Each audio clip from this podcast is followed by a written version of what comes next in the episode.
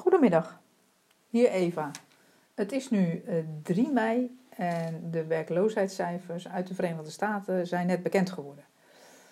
Uh, die geven een heel gemixt beeld. De nieuw geschapen banen, de non-farm payrolls, die hebben alle verwachtingen flink overtroffen. Die zijn namelijk met 263.000 gestegen.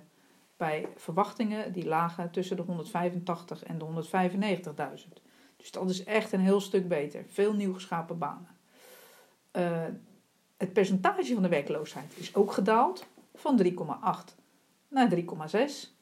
Dat is natuurlijk ook prima. Uh, uh, de deelname, het cijfer van de deelname van aan de arbeidsmarkt. Hè, dus hoe groot is het percentage van de arbeidsmarkt die deelneemt daadwerkelijk aan de arbeidsmarkt? Dat was vorige maand 63 en dat is nu gegaan naar 62,8. Dus dat is toch een klein dipje. Uh, en wat er nog meer tegenvalt in die werkloosheidscijfers zijn uh, de lonen. Uh, de uurlonen, de gemiddelde uurlonen op maandbasis over april, die zijn 0,2 procent. En dat was vorige maand ook zo. En die bijstelling is eigenlijk, de, het cijfer van vorige maand is bijgesteld van 0,1 naar 0,2. Dus dat is beter. Alleen de verwachting van deze uh, uh, gemiddelde lonen over de maand april was 0,3. Dus uitkomst 0,2, verwachting 0,3, dat is een klein dipje. De deelnamegraad aan de arbeidsmarkt is een klein dipje. De wekelijkse aantal uren dat er gewerkt wordt was 34,5, is nu 34,4 uren. Dus dat is ook een beetje lager. En de uurlonen op jaarbasis. Daarvan had men gedacht dat het 3,3% gestegen zou zijn. En dat is gelijk gebleven in vergelijking met vorige maand. Dat is nog steeds 3,2% Dat is het cijfer. Dus ja, er zitten een aantal mooie dingen in en er zitten een aantal uh, mindere dingen in. Uh, Euro-dollar is uh, eigenlijk net na het cijfer ietsje gedaald van 1,1150 naar 1,1135.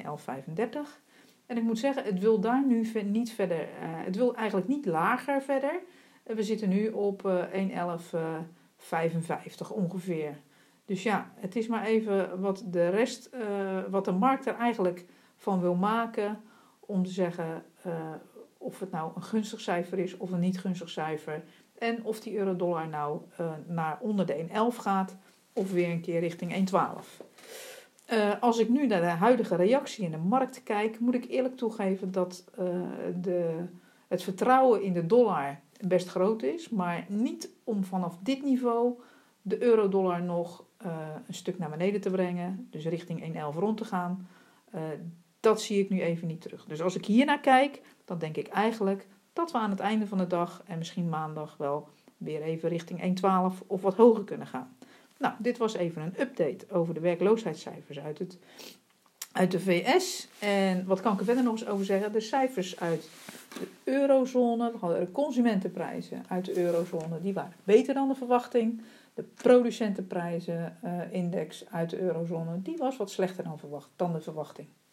Dit was even een update over de cijfers. Uh, ik wens u allemaal een heel fijn weekend en u kunt van mij volgende week weer een podcast verwachten.